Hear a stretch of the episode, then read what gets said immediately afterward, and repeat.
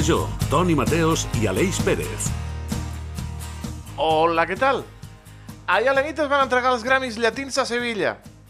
La gran triomfadora va ser la Shakira, que amb la seva cançó dedicada al seu ex, ja saben, la de Claramente que te salpique, eh? eh? va guanyar com a cançó de l'any. déu nhi Hi van haver moltes actuacions musicals, però destaquem dues d'aquestes actuacions. La de la nostra estimada Rosalia, cantant un clàssic de la Rocío Jurado, Se nos rompió l'amor de tanto usarlo, en clara al·lusió al seu ex. I també destaquem l'actuació del seu ex, d'en Raúl Alejandro, que va cantar Se fue, se fue, el perfume de sus cabellos, tenia més filtres aquella cançó que una fàbrica d'aires condicionats, de la Laura Pausini, com no, pensant i dedicada a la Rosalia. Vinga pulles, vinga venjances i vinga bif, com diuen els més joves. Ja les cançons d'amor no són les que triomfen, ni les cançons de desamor, que particularment per mi són les millors. Ara les que triomfen són les cançons de despit, de venjança i de rancúnia. Espero, estimat Aleix Pérez, de la nova ràdio, que tu no tinguis cap cançó de despit dedicada a la teva persona. No, bueno, Toni Mateus, eh, bona tarda. A veure, jo sóc una persona que en general rancúnia no en guardo massa. Alguna ruptura dolorosa he passat, com oh tots, oh crec God. que en, en aquesta vida tots n'hem passat alguna, però tot i així que al final el, el pas del temps no? i el creixement personal crec que és part de, de la vida i també una mica no? demostrar que al final doncs, ets millor persona del que eres abans. Hi ha aquí una marca, un, una cicatriu que es diu Àngels. Ai, la música ha canviat, estimats. No sé si per millor o per pitjor, però ha canviat. Nosaltres no. Nosaltres som els de sempre, els del carrer Major, el programa que fem Ràdio Ciutat de Tarragona, Altafulla Ràdio, Ona la Torre, Ràdio Montblanc, Ràdio Hospitalet de l'Infant, la nova ràdio de Reus, Ràdio La Selva del Camp i Baix Camp Ràdio. Avui li volem dedicar al programa al nostre company, el Pau Corbalan. I també a qui sempre ens acompanya punxant micros i música, i a vegades punxant-nos a nosaltres, el nostre tècnic, el gran Iago Moreno. Clarament, el millor programa de ràdio. Carrer Major, no deixis que ningú t'ho explique. Comencem.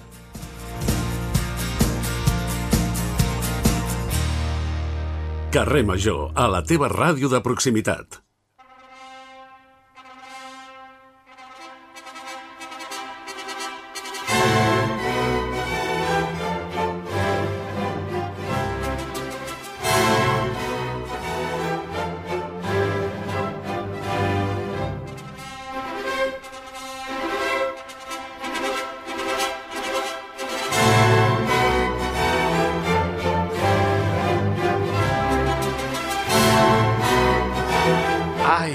Sona aquesta cançó, ja, ja tremolen alguns. Sí, sí, sí, sí. sí, Ai. és, és allò. Sí, eh, és molt, és molt, molt antiga, però ara es fiquen coses més modernes. Però l'església, quan entra això, bueno, bueno, bueno. Uh, no sé si saps, estimat uh, Aleix, que cada any se celebren unes 15.600 bodes a Catalunya. I al Camp de eh? Tarragona, 2.700 bodes a l'any. Si penseu casar-vos en dates properes, no us podeu perdre la primera Fira Top Boda Reus, la nova fira referent al camp, que reunirà a l'Espai Bouli de Reus als experts eh, i professionals del sector que t'ajudaran en la teva boda i que es converteixi en l'enveja de tothom, que tothom digui és que la boda que va fer l'Aleix és que va ser fantàstica. Per parlar d'aquesta fira, hem convidat als estudis de la nova ràdio de Reus al Jonathan Tarafa, fotògraf, i a la Paola Manresa, que és maquilladora professional, i els dos són organitzadors d'aquesta trobada. Eh, Jonathan, eh, Paola, bona tarda. Bona tarda. Bona tarda, Toni. Jonathan, com va sorgir la idea aquesta del Top Boda?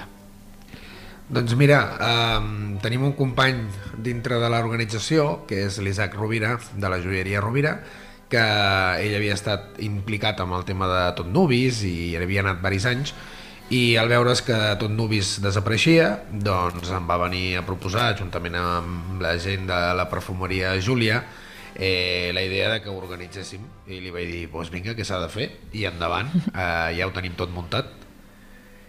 Home, Paula, amb, eh, bona tarda. Amb aquesta desaparició del, del Tot Nubis, eh, hi havia la necessitat i la demanda de crear aquesta fira, no?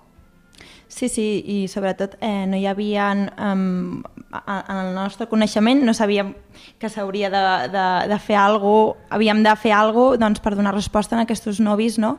que buscaven pues, alternatives i solucions al seu casament i, i, bueno, i, i vam, vam tirar endavant aquesta idea que creiem que, que serà bona i, i hi haurà bona resposta. Home, eh, jo crec que sí que era una, una cosa molt necessària no? per, per la ciutat de Reus i, i per totes les poblacions del voltant, que hi hagués una fira que fos referent en el món de les bodes, no? Sí. Mira, eh, jo crec, Toni, que en tots els sectors comercials sempre hi ha d'haver la possibilitat de poder tenir eh, de manera fàcil accedir a tots els proveïdors que et poden aconseguir resoldre tot allò que tu puguis necessitar, no? I acabes de donar unes dades molt importants, eh, la que has dit de casaments a Catalunya o al Camp de Tarragona, i tot això eh, són dades que hem de tenir en compte, perquè en conya, moltes vegades, coneguts, amics, em pregunten si la gent encara es casa. I, òbviament, toquem fusta que duri molts anys, però és que la gent es casa, i tant que sí, i és més, els casaments han canviat. Uh, ja no són el que es feia fa 10, 15 o 20 anys eh, les fórmules, gràcies segurament a les xarxes socials, a l'accés a veure eventos... La informació. Exacte. I els nuvis, les parelles que programen casar-se o que tenen la data marcada al calendari, eh, saben molt bé cap a on volen anar i què volen que sigui el seu gran dia. Eh, ha canviat, eh, això. Jo quan vaig començar fa 10 anys o 20 anys enrere, els nuvis venien molt més eh, cegues i ara tenen molt clar el que volen.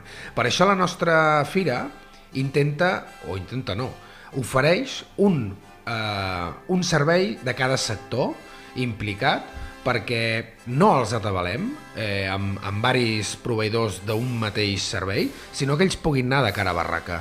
Ells han vist a la pàgina web i a les xarxes socials qui som i, per tant, si s'han acreditat, com aquestes més de 150 parelles que ho han fet, eh, saben perfectament que venen a per feina, venen a parlar amb joieria, amb perfumeria, amb flors, amb els 12 serveis que estem allí i venen a, a rematar coses que saben que directament allí ho podran fer, no?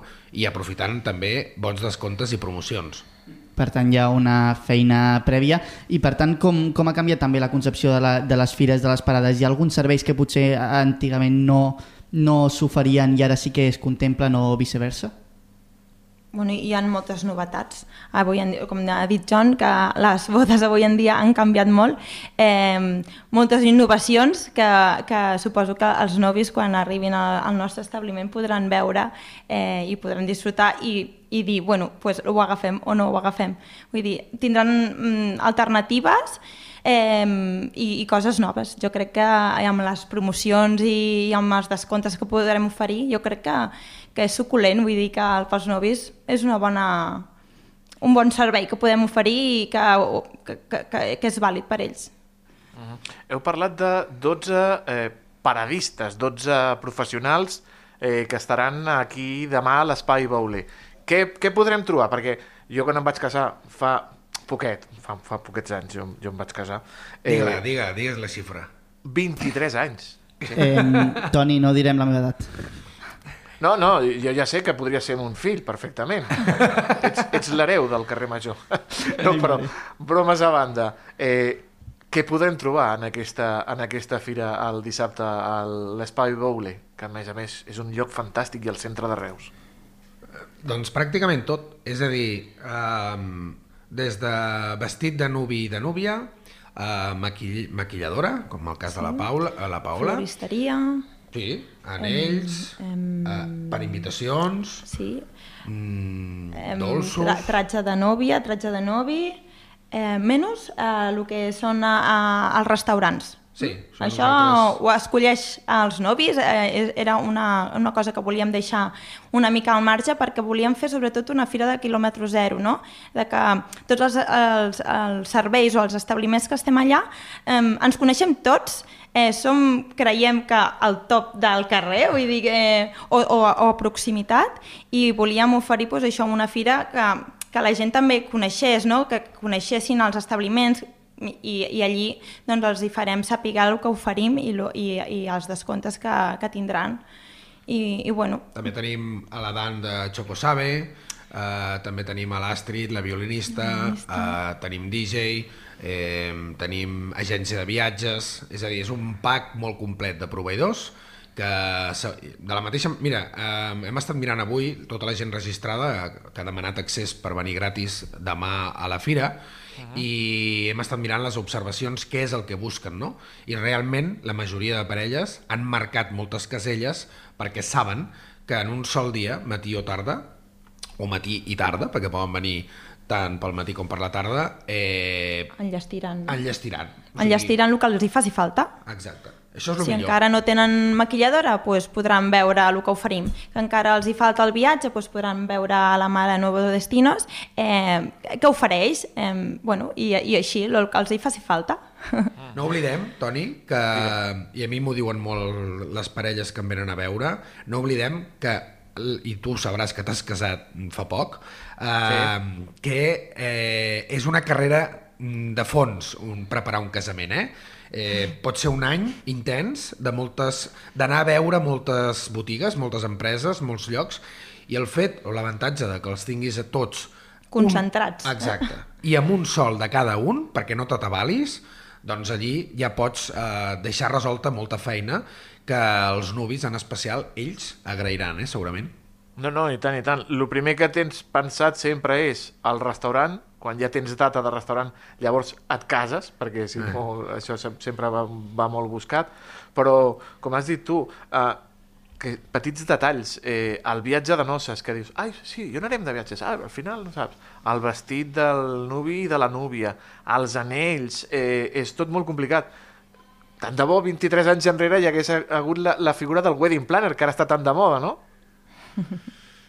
Sí, sí, sí, tant de bo hagués existit, però jo sempre crec també que és bonic, jo m'he casat també, i tu també, Sí, i tant, que m'he casat també. i no és bonic preparar la teva Sí, boda. i jo no vaig Sí. tenir wedding. No, jo tampoc. No, jo I tampoc, poc. jo tampoc, però, però Déu-n'hi-do quin mal de cap, quin mal Suposo de cap. que bueno, una wedding te pot treure feina, no? Te pot treure feina, però també és bonic pues, preparar-ho tu, no? Vull dir, és la il·lusió. Bueno, Sí, sí, sí, sí, totalment. Jonathan, en el teu camp, que és el de la fotografia, has dit que ha canviat molt en els últims anys. Ja no es fan les fotos al parsamà, com se feien anys enrere? Sí, sí, sí, sí, sí que es Sí? fan, sí que es fan. Mira, Què- què demanen el Parc ara Samà- els nuvis? El Parc Samà ha tingut un, un Dragon Khan. Eh, durant molts anys, i els nostres pares ho podrien dir, eh, era el lloc eh, per excel·lència que tothom anava a fer-se les fotos, segurament el mateix dia del casament, Sí, sí. al sortir de l'església. Sí, sí. església perquè no existia el tema de les cerimònies civils en finques i restaurants. Parlo de fa molt temps, eh? Um, Parc Samà era un referent absolut. Parc Samà va caure una mica en desús d'aquest tipus perquè, doncs, no sé, o va tancar o va tenir Sí. un temps una mica lletjot i ho va agafar una gent que ho va deixar impecable i jo et puc assegurar que els últims 3 anys cada estiu vaig a fer-hi sessions de preboda i de postboda. I doncs- bodes. Allí se fan bodes. Ah, exacte, i bodes, sí, sí, sí. perquè jo he anat allà a maquillar in situ. Sí, sí, Vull sí. dir, sé de, de pròpia mà que, que allà es fan bodes i es fan molt boniques. I ho han reprès molt guai, o sigui, està molt currat Sí, tot sí. l'espai i en una sola tarda et pots passar dues hores i mitja fent fotos i tens com 10 racons diferents, dic 10, que podrien ser 20, perquè està molt guapo i pots aprofitar molt bé tot l'entorn per tenir varis escenaris. Mare meva, preboda i postboda, fotos de preboda i fotos de postboda. No em vas fer tu això fa poc quan et vas No, casar? eh, no, no, jo vaig fer... Eh, me van regalar les de solter, unes fotos, una sessió de solters. Què dius? regalar. Sí, Bueno, sí. això és preboda, això és preboda. Sí, és Eh, sí, preboda. preboda, exacte, exacte. I en el món del maquillatge ha canviat molt, Paola, perquè mm, les núvies que volen? Anar el més naturals possibles o volen anar Doncs- superpintades? I... Perquè... Pues ha canviat, ha canviat perquè abans era com a molt, tot molt, molt nude, no? una nòvia més, més clàssica i és veritat que avui en dia les nòvies ja no estan estandarditzades, sinó que cadascuna vol representar el seu, la seva identitat i no es volen veure com a disfressades. No? I llavors nosaltres abans de maquillar algú els hi fem una entrevista prèvia de com és, com anirà vestida, eh, com és ella, què vol, què vol dir en el seu dia de, de noces, no? Vull dir, es vol veure romàntica, es vol veure transgressora, es vol veure... Com, com es vol veure ella, al final?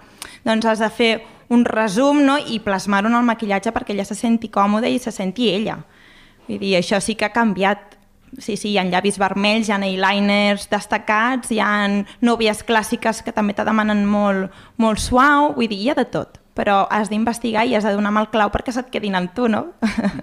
També entenc perquè cada, cada, cada boda, cada parella és un món, no? I, i entenc que també em, us adapteu molt a, a, a les demandes de, de, de, de, de les parelles que es casen. Jo no sé també fins a quin punt hi ha un punt de... si hi ha entusiasme inclús dintre de, de les bodes, si no sé si hi ha bodes low cost, una mica també com us adapteu a la diversitat de, de, de pressupostos també a l'hora de fer casaments. A veure, una cosa és l'intrusisme i l'altra l'adaptació de pressupostos. Eh, l'intrusisme existeix, en el meu cas és eh, algo escarós que, que, que tenim, eh, però bueno, al cap i la fi, quan et diferencies perquè la teva feina la fas, eh, la fas Feta. bé i, i tots oferim qualitat, com per exemple els que estem a Top Boda de Reus i som perquè oferim qualitat, doncs eh, evidentment ens distanciem molt d'aquella gent que vol fer la seva boda low cost pel motiu que sigui i desitgeix, doncs, de, eh, escolleix agafar gent no professional, no, que no està... Eh, Qualificada, no? No està... La... Exacte. Que es dedica a això d'estrangis Sí. i després passa el que passa. Hi ha gent que s'emporta sustos. Uh, mira, jo, jo us volia dir una cosa, i és que en diverses ocasions m'he trobat a la Paola maquillant a la núvia, i és un moment que nosaltres ja comencem a fer fotos. I jo he vist maquilladores professionals com la Paola eh, deixant a la núvia impecable i que les fotos això es veu i he vist maquilladores que no ho són i que quan estàs veient el que està passant allà dius, mare de Déu, i com li diem a la núvia Que té és- brillos, que, que no, no, se li veu. ni en Photoshop, Clar. vale? I pues això són exemples de lo que hi ha. I després, a partir d'aquí, el tema de, de, del que em preguntaves d'adaptacions, de pressupostos, tot això, ens podem adaptar sempre, evidentment. I a més a la de, fira... bueno, dintre d'un cànon, Ah, no? exacte, sí, sí, sí, sempre que sigui tot raonable. No, no, hi ha el, el, el preu el, és el, el, el que hi ha, contractar, com hem dit, a, a professionals com vosaltres i com els eh, 12 companys que estareu allà en aquesta fira. Recordem, al centre de Reus, al carrer Baule, eh, carrer Llobera, cantonada carrer Llobera, una del- dels carrerons que travessa el carrer Llobera, amb aquest nou espai. És, és un espai molt xulo, no? I, I us han posat moltes facilitats per estar-hi allà, no? És Doncs molt sí. guai. Ens hem És una passada. Ens hem mirat i hem somrigut, perquè hem trobat una, un local ideal al centre mateix de Reus, eh, on la gent ho té molt fàcil per venir, no s'han de desplaçar, eh, si són de Reus, evidentment no s'han de desplaçar amb cotxe, si són de fora poden aparcar a 100 metres on tenen el pàrquing de la Llibertat per 4 euros. I tant. I poden passar-se tot el dia amb nosaltres i en un entorn, en un espai que arquitectònicament és brutal i que ens han posat totes les facilitats i des d'aquí agrair-los a l'Alfred i tota la gent, Laura. Júlia, tots els que hi són, eh, i l'Olena, correcte, perquè ens ho, han, ens ho han facilitat molt. I mira que jo anava a comprar en aquell supermercat i mai m'hi vaig, vaig fitxar amb això. Eh, eh, eh, Mira, ara, ara ja entres i dius, hòstia, és, és diferent. Eh, heu parlat de que teniu eh, un munt de parelles inscrites, però si ens està escoltant algú que digui, hòstia, jo no ho sabia, no estava atent amb això. Què pot fer? Es pot apuntar eh, ràpidament? Eh, Pot presentar-se demà? Necessita una entrada especial? Com funciona això, Jonathan? Sí, si es pot acreditar avui mateix, cap problema. Eh, ho podrà fer inclús demà, però que, que vinguin acreditats de casa. Eh, topbodareus.com, entren allà i posa eh, registra't. I posa dues coses molt importants. No, perdó, tres. Una és registra't, entren allí, posen les seves dades i els hi arriba automàticament al telèfon un, una invitació per venir. Això una. Segona, ja només pel fet d'estar registrat i venir a visitar-nos, accedeixen a la possibilitat d'un premi valorat en 2.000 euros. Que Iepa! to... Sí, sí, en 2.000 A veure euros. si m'apunto jo i busco una nòvia nova. Bueno, a mi m'ha dit un amic, diu, diu, no li diguis a la meva nòvia, eh? Diu, perquè no vull que vingui, que, no em liï. Eh, I tens una opció a guanyar demà al vespre, a quarts de nou farem el sorteig, per guanyar el que cada expositor hem aportat i és un premi valorat en 2.000 euros en espècies, perquè ens entenguem. I a més a més, també pots consultar a la web topbodarreus.com totes les promocions que cadascú de nosaltres oferim eh, si ens contractes o si ens agafes eh, pel teu dia aquí a la fira. Aleix, què? T'animes o què? Escolta, potser m'hauré de posar les piles, eh? M'hauré de posar les piles perquè, ostres, això està molt ben muntat, recordem, el, aquest cap de setmana, no? Dissabte, dissabte, al carrer, al carrer. Boule, a l'espai Boule. Tot el dia, matí i tarda, estaran allà eh, aquests 12 eh, expositors de quilòmetre zero, aquests 12 professionals del Camp de Tarragona, i entre ells hi haurà la fotografia del Jonathan Tarafa i el maquillatge de la Paula Manresa. A tots dos, moltíssimes gràcies per acompanyar-nos aquesta tarda al carrer Major. Donen ganes de tornar-se a casar amb gent professional com vosaltres. Eh, que vagi molt bé aquesta fira. Ja saps on som. Moltes gràcies, Moltíssimes Toni. gràcies. Una abraçada, que vagi molt i molt bé. Adéu.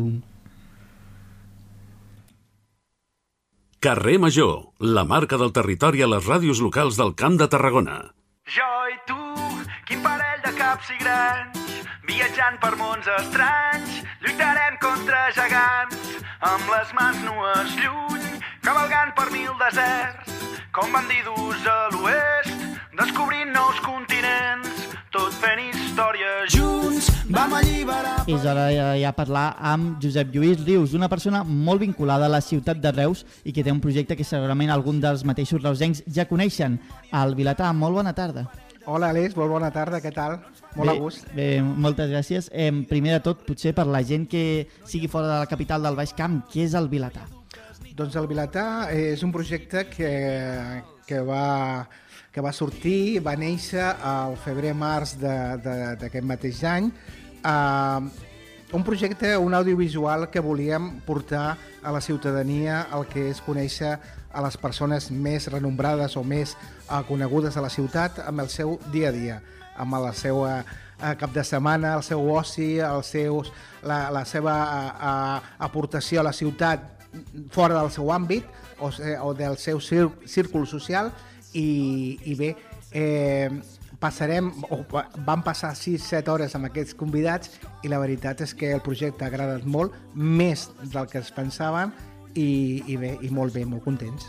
Sobretot en aquesta primera temporada no, on es veu que, òbviament, es s'abarca i es parla de la seva vessant i el seu paper dintre de Reus, però també obres, no? Entres a les seves cases una mica, coneixes la manera en com viuen. Sí, perquè vam pensar que era un format aquest de- d'entrar a casa seva i, i que, bé, i que eh, ens obressin les portes de- d'aquesta eh, d'aquesta proximitat no? cap a l'espectador en aquest cas i això el que realment també ha funcionat i molt, no? aquesta eh, vehemència de que els polítics en aquest cas o, o la gent, eh, doctors, eh, advocats, esportistes te- te- t'obressin les portes a casa seva i comparteixin que en aquell dia fan, no? Jo no sé si era una cosa que ja tenies des de feia molt de temps en ment o, o no, i per què vas decidir fer aquest pas? Doncs no, o sigui, no tenia, no tenia en ment fer aquest projecte, no? Uh, mm, me va ocórrer, no?, com a ciutadà, uh, jo crec que, que molta, molta gent, dic, i què faran aquests senyors, senyores, uh, amb el dia a dia, no? Que, que fan, van a comprar, van uh, al cinema, van a, uh, al mercat, uh, i, i bé, això, doncs, eh, dintre de, de que som persones públiques, doncs eh, acostar-nos una mica més a la ciutadania. I, i bé, penso que, que ho hem fet. Sí, efectivament, i et volia preguntar això. Eh, S'han fet públics, són públics ja els capítols de primera temporada. Quin balanç en fas d'aquesta primera temporada i quins aprenentatges has, has extret? Doncs bé, la primera temporada, cal dir, Aleix, que, que clar, tu com a professional també, jo no ho soc, en aquest cas, de, de, no soc periodista ni, ni, ni tan sols arribo a, a, a vosaltres, però sí que, me, que, que tenia la por, no?, aquella de començar a, a fer un audiovisual quan jo, eh, tret de Canal Reus, amb una tertúlia de festa major, eh, és, eh, o sigui, és tot el que he fet, però eh, van posar la prova pilot del, del mateix programa perquè, si no agradés, eh, sortir corrents de la, de la, de la manera més, de, més diplomàtica possible, no? Però, però el primer programa que va ser amb el Daniel Rubio, eh, l'alcaldable d'Ara Reus, eh, doncs eh, va agradar molt i no solament va agradar que el dia següent van començar a sonar telèfons i, i bé, i es van donar peu i, i amb aquestes ganes de, de fer el segon programa que van tindre la Sílvia Virgili i, bueno, i així successivament. I va anar tot rodat tant que ara doncs, eh, heu estat treballant una segona temporada. En quin moment es troba exactament ara aquesta segona temporada? Bé, eh, clar, jo mm, aquesta segona temporada eh, va sortir eh, després de l'especial Sant Pere. L'especial Sant Pere va haver també un abans i un després del Vilatà, perquè és un programa que va arribar molt als reusencs i, i bé, amb aquell programa de, de, de Sant Pere també van sonar telèfons, però no de ciutadans, sinó d'una cadena estatal, no? Eh, buscaven gent per, no per presentar, sinó unes cares eh, no conegudes per fer una mica de reporters, amb aquests programes que es veuen al migdia i a la tarda. Clar, jo, jo aquí vaig dir que agraïts, però clar, mm, no m'hi veia no, allà, i va ser quan realment vaig tindre la, la consciència de hòstia, doncs estem fent un bon producte, no? Eh, està arribant i, i, i, i això cal seguir-ho. Cal seguir-ho, però no amb les, amb les directrius d'estar de, eh, com ara, no?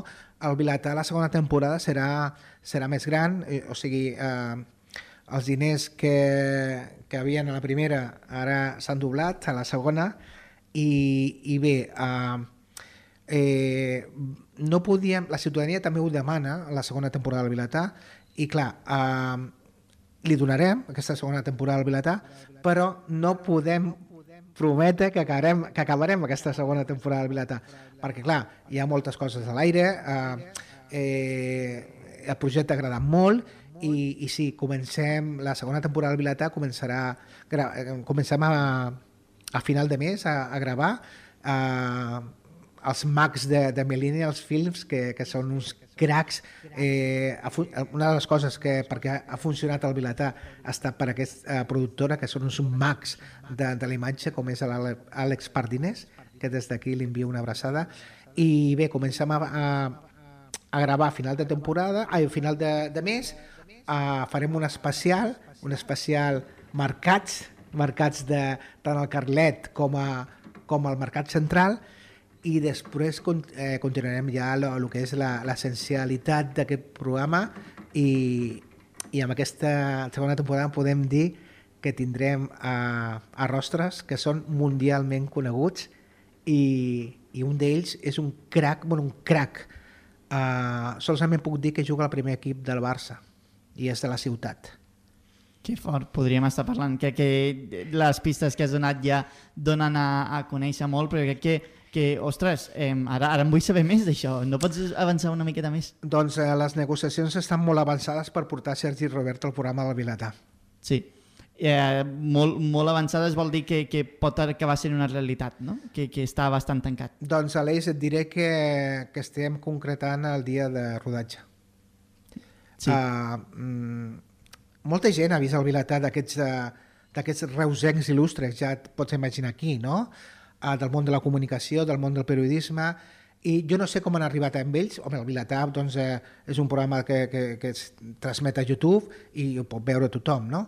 Però em consta, em consta que jo el Sergi Roberto no el conec, clar, ni els altres cracs de reusencs, però li han fet arribar eh, amb aquella, amb aquella proximitat a la persona coneguda o, o que el coneix, doncs eh, vaig parlar, va parlar amb mi i, i jo no m'ho creia. Dic, sí, però bé, eh, és el que té la, o el que ha estat la primera temporada del Vilatà, no? que ha estat això, eh? una sorpresa molt gran i, i bé, eh, doncs, eh, doncs eh, encara no podem dir al 100%, però, però potser tindrem el, el crack del Barça. El que passa és que, eh, clar, amb aquests, aquestes persones és molt difícil passar un dia amb ells, eh, però jo crec que jo crec que 4 o 5 horetes estarem amb ell. Sí, doncs, doncs jo que també és això, no? és una mica la, que et sorprèn a tu, in, inclús, a tu mateix, inclús de la, de la grandesa, no? de, del, de, li, de l'impacte que pot arribar a tenir el, el mateix Vilatà. Sí, sí, sí, perquè clar, jo eh, en petit comitè dic que jo em pensava que em veuria amb els meus pares, germanes i, i ja està, no? Mm, Doncs no, no ha estat així, no? Uh, ho veu més gent de, del que em pensava. O sigui, l'altre dia m'ho deia la productora, dic, diu, uh, és que uh, pot estar un mes sense, sense passar el programa, però es miren els, els programes que hi ha, perquè això és, uh, ho demostra les visualitzacions, no? Per exemple, el, el, el que més mira la gent són els programes especials, tant de Sant Pere com Misericòrdia, i, i bé, i ha estat un grandíssim plaer perquè aquests convidats és que cada un dels convidats eh, eh, m'ha traslladat coses, eh, eh, eh, m'ha format, eh, eh, m'ha enriquit eh, de tal manera eh, i si em tinc que quedar amb una cosa eh, va ser amb el doctor Gomà. Eh, és un, va ser un, un, un programa eh, així una mica especial i emocionant perquè van tocar el tema del càncer i, i clar, eh, eh, això és difícil si no toques bé, no? Per exemple, la, la sinceritat de la Sílvia Virgili, eh, l'elegància del Joan Crua, eh, eh, eh, els programes a Sant Pere, que, bueno, com sabràs, he estat molts anys al seguici, i, i sí, en aquell programa vaig descobrir coses que ni tan sols jo sabia, i, i a Misericòrdia igual.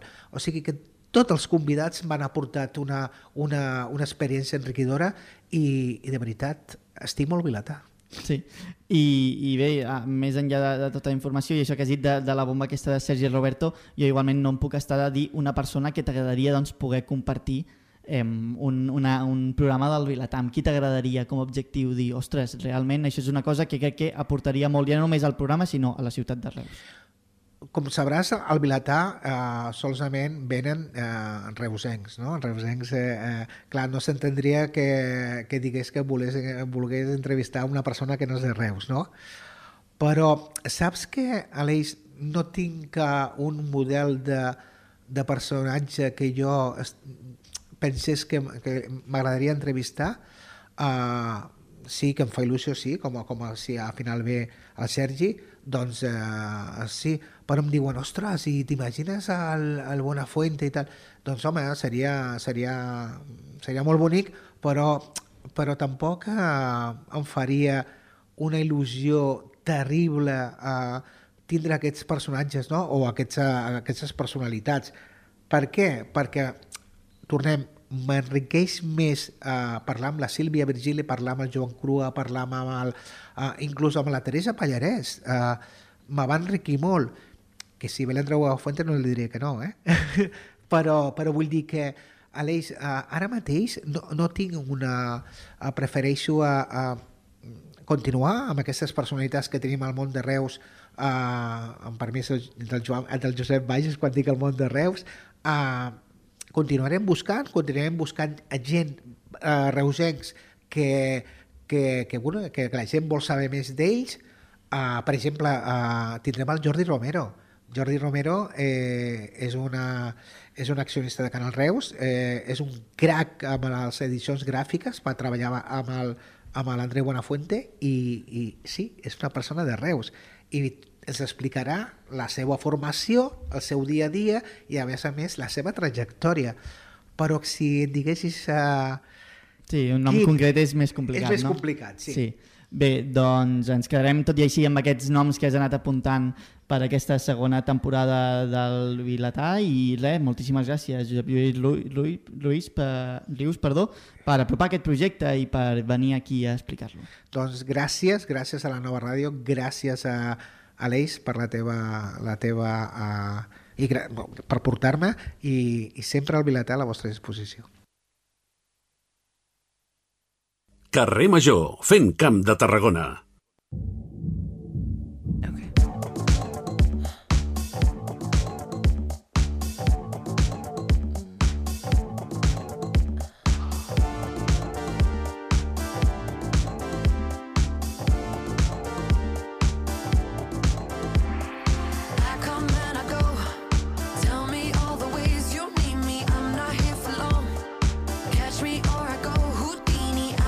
Temazo, quin temazo, Antonio Mellado, quin temazo. Quin temazo Toni Mateos, eh? Amb aquest Houdini de Dua Lipa, que va sortir fa una setmana i, mare meva, eh? Ja ho està patant. T'agrada, t'agrada l'Eix, la Dua Lipa? M'agrada... Sí, o sigui, no sóc assidu, però crec que és d'aquelles persones no, que té com una nacionalitat curiosa on perfectament podria ser la persona més coneguda d'aquell país, perquè crec que és d'Armènia, no? D'Albània, diria. D'Albània? I de fet, com a curiositat, es diu Dua Lipa. El seu nom és Dua Lipa, o sigui, no és cap allò... Ah, sí, es diu així. on- és el seu nom artístic. Dua de nom i Lipa de cognom. Sí, que sí, bonic, tal eh? qual. Sí, sí. Li farà gràcia que tu diguis Antonio Mellado, dirà. que graciós. Sí, el meu nom no és tan artístic com Dua Lipa. Dua Lipa és que és un nom per, per vendre. Sí, sí. Eh, Houdini, Houdini, doncs aprofitem Houdini eh, de la Dua Lipa per parlar de Harry Houdini, que va ser el nom artístic d'aquest gran mag, però el seu nom real va ser Eric Weiss, nascut el 1874 a Budapest, Hongria. Al 1878 tota la seva família es va traslladar als Estats Units i va canviar el seu nom per el de Eric, després Eirey i finalment Harry, que era més americà. El seu nom artístic es va inspirar en el cognom del mag Robert Houdin, il·lusionista francès i considerat com un dels pares de la màgia moderna. La seva primera actuació va tenir lloc quan només tenia 9 anys. Era trapezista i contorsionista en un petit circ que va fundar amb uns amics, amb només 9 anys. Eh? Sí, sí, i mira tu, amb 9 anys què fèiem nosaltres? Jugar a, a, bales i... Sí, aprendre a llegir, a sumar, a restar. Imagina. El seu, el seu objectiu, el del Harry, era ajudar econòmicament a la seva família i per això es va recórrer diversos circs i espectacles ambulants sense deixar d'estudiar màgia i altres professions que el poguessin ajudar a conèixer en profunditat l'escapisme. Fins i tot va treballar com a manyà per saber el funcionament dels mecanismes de bloqueig, per saber obrir eh, doncs, eh, tanques i ferradures, mira, coses... Ostres, imagina't si estava entregat en cos i ànima a la seva professió, que l'exigia un gran esforç físic, i tot això doncs, li portava a sortir a córrer tots els dies i fer exercicis per aguantar la respiració durant més temps en els seus números d'escapisme. Habitualment durava més de 3 minuts sota l'aigua. Jo estic 20 segons I- ja- no puc més, ja amb la vida de sortir ràpid a agafar aire. Houdini se sentia molt americà, tot i va néixer, com hem dit, a Hongria, doncs eh, ell se sentia molt americà i patriota, Ai. arribant a ocultar el seu, la seva veritable nacionalitat. I fins i tot va declarar que havia nascut a Appleton, a Wisconsin. Durant la Primera Guerra Mundial es va presentar com a voluntari pels Estats Units, sent rebutjat per la seva edat, tenia 41 anys. Malgrat el seu disgust, es va dedicar a fer espectacles de màgia a Europa per distreure els soldats. Un dels seus números, Money for Nothing, consistia a fer aparèixer una enorme quantitat de monedes que després regalava als soldats. Es diu que així va repartir més de 7.000 dòlars, en aquell moment una fortuna, del seu propi compte als soldats. Per cert, Money for Nothing ens sona una cançó no, de Dire Straits, Sí, senyor. doncs està inspirada precisament en Houdini. Mira, 100.000 dòlars en monedes petites, doncs mira, sí, sí. déu nhi Era un gran col·leccionista de llibres. Harry Houdini va arribar a tenir més de 5.000 llibres a casa seva i per la seva cura i manteniment va contractar a un bibliotecari i solia emportar-se centenars dels seus llibres a les seves gires.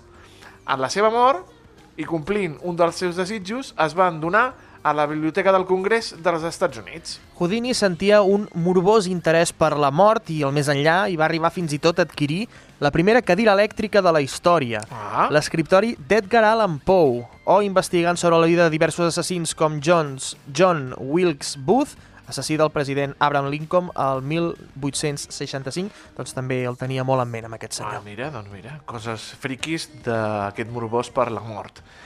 I després de morir la seva mare, es va interessar per l'espiritisme, encara que més aviat ho va fer per desmuntar els falsos espiritistes i els fraus que existeixen en el món del paranormal. Houdini es va casar amb una de les seves ajudants, la Bess Runner, una jove que era baixeta i que el solia ajudar. Eh, clar, si era baixeta, doncs així l'ajudava a fer diversos trucs mm. i que havia doncs, en la caixa d'allò de te tallaré per la meitat i que havia dins de la caixa. Es van casar el 1884, dues setmanes després de conèixer, o sigui, un matrimoni express. Sí, sí, amor a primera vista, eh? I tant. També s'especula amb la teoria que Houdini no va tenir fills perquè es va quedar estèril a causa d'haver-se exposat a nombroses sessions de raig X. Alça. Per compensar la falta de fills en el seu matrimoni, Houdini es va inventar un fill imaginari, el qual va batejar com a Mayer Samuel Houdini. Mira que inventar-te un fill, també. doncs mira, anem a parlar de la mort de Houdini. Ep. Va morir... No, perquè diuen, va morir, que es va ofegar en un dels seus trucs. I va... No, no, no, no, no, no. Va morir d'una apendicitis causada per un cop de puny. Consentit. Alerta. Surrealista. 15 dies abans de la seva mort, un famós boxejador li va preguntar a Houdini si el podia colpejar en l'abdomen per comprovar la seva condició física. L'escapista va dir sí, però estava assegut i no s'havia acabat d'aixecar quan el boxejador li va fotre el cop de puny, pumba, que li va enganxar sense preparació, la qual cosa li va provocar quedar-se sense aire. En lloc d'aturar-se aquí, ell va seguir endavant. Eh? Immediatament li va demanar al boxejador que tornés a colpejar-li amb totes les seves forces una segona vegada perquè comprovés la duresa del seu estómac, cosa que es va comprovar, demostrant el ben preparat que estava. En els dies següents, Houdini va patir forts dolors i febre, però va continuar treballant com si res, fins que es va desmaiar dues vegades en una actuació i va ser hospitalitzat ràpidament. Moria finalment el dia de Halloween, el 31 d'octubre de 1926. I com hem parlat de l'espiritisme i aquestes coses, un cop mort al Houdini, la seva dona va continuar intentant comunicar-se amb ell Mare. al més enllà i esperant-lo fins a 10 anys després de la seva mort. Durant aquell temps, Bess va acudir a diversos espiritistes esperant poder contactar amb Houdini i comunicar-se els dos gràcies a un codi de paraules que ell li havia descrit eh, amb ella. Així sabria si l'esperit era el Houdini de veritat, un altre esperit o era un engany dels espiritistes. Però mai va acabar contactant amb Què, ell. què me dices? Vaja, sí, es va gastar segur Que un munt de diners, Que sorpresa! més dels 7.000 dòlars aquells que va regalar als soldats, i 10 anys després va decidir apagar l'espelma que mantenia encesa a la seva espera. L'espelma per guiar Houdini es va apagar, però el seu reconeixement com el millor mag de tots els temps continua encara ben viu. S'escapava de tot arreu, menys de la mort, que el va acabar agafant abans de l'habitual. Mira, i per un cop de puny, eh? si, si mors d'allò, jo què sé, amb un truc de màgia, Clar, llavors- a, a dins d'una gàbia plena de taurons eh, eh, o d'angules elèctriques, doncs mira, El no? truc final, no? el truc final, doncs Jo mira, crec no, que- aquí... De tot Digues. això, no, en podem treure una lliçó que és no deixis que un, un boxejador professional et doni un cop de puny. Eh, sense tu estar preparat. Exacte. No, no, i estan preparat també, perquè ja no, està no, preparat. exacte, no deixis que un boxejador... és Que ningú et foti un cop de puny a l'estómac, perquè mira, tu... El... Dos en aquest cas, eh? Sí, sí, Si te'n fot un i acabes més o menys bé, és igual, atura-ho ja. No segueixis. No sé si diguis, no, no, espera, espera, No, dona'm un altre, dona'm un altre, que m'has agafat. A contrapeu. No, no, no, no, no, Houdini. Ai, el no, senyor Houdini. Doncs mira. El podem recuperar amb el single de la Dua Lipa. Ai, fantàstica, fantàstica. Eh, gràcies, Antonio. Gràcies, Toni Mateos gràcies. i Aleix.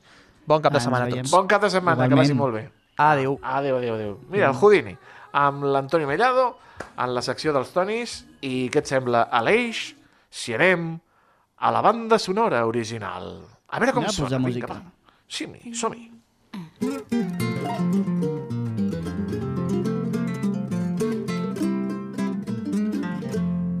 There's a man who call it love, seeking shelter from the measure of one's life against the gods, so devoid of depth and pleasure. But with you, it's simple then. Why we recognize each other. Home, això, quilòmetre zero, quilòmetre zero, estan cantant en anglès, però, ei, que sempre el David ens porta una sorpresa, i avui és una sorpresa molt reusenca, molt de Nova York, i una gran artista que ha cantat bueno, amb Drexler i companyia. Mm, de qui es tracta? David Fernández, bona tarda, estimat. Hola Toni, hola Aleix, molt bona tarda. Avui tornem a fer parada a Reus per tornar a escoltar la música de la Lau Noa, o el que és el mateix, la Laura Noa, aquesta cantant reusenca que des de ja fa uns mesos ens està presentant algunes de les cançons que aniran al seu disc de debut. Un treball que es publicarà al gener del 2024, que es dirà A2 i que és un treball de duets on la Laura compagina o canta vaja alguna de les seves cançons amb diversos músics força reconeguts.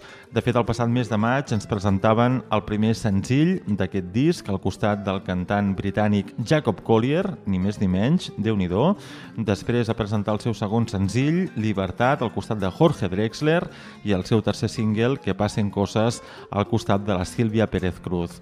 En aquest cas, això que estem escoltant és el quart senzill d'avançament del seu disc, que va publicar ara fa uns dies.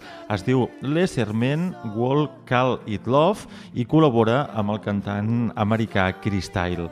Com ja veieu, doncs aquesta cantant reusenca s'està obrint camí més enllà del nostre país, amb col·laboracions internacionals i amb una gira europea que està protagonitzant en aquests moments. La Lau Noa, doncs, avui és la banda sonora del carrer Major. Stringing feathers just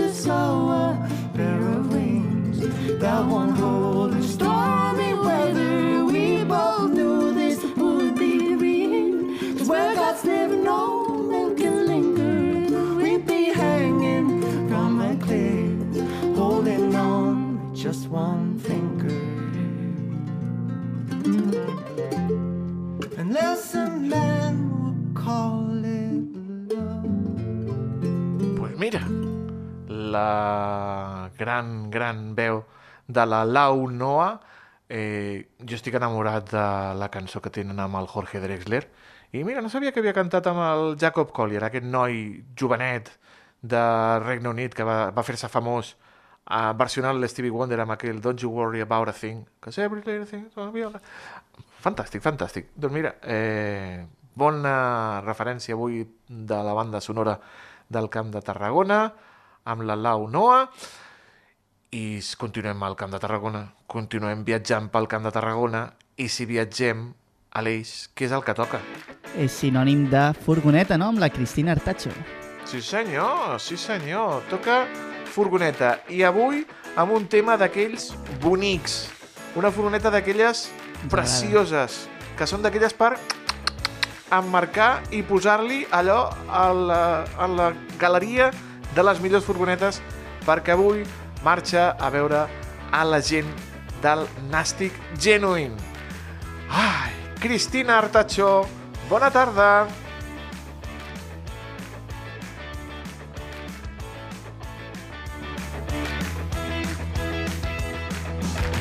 Hola, Cristina.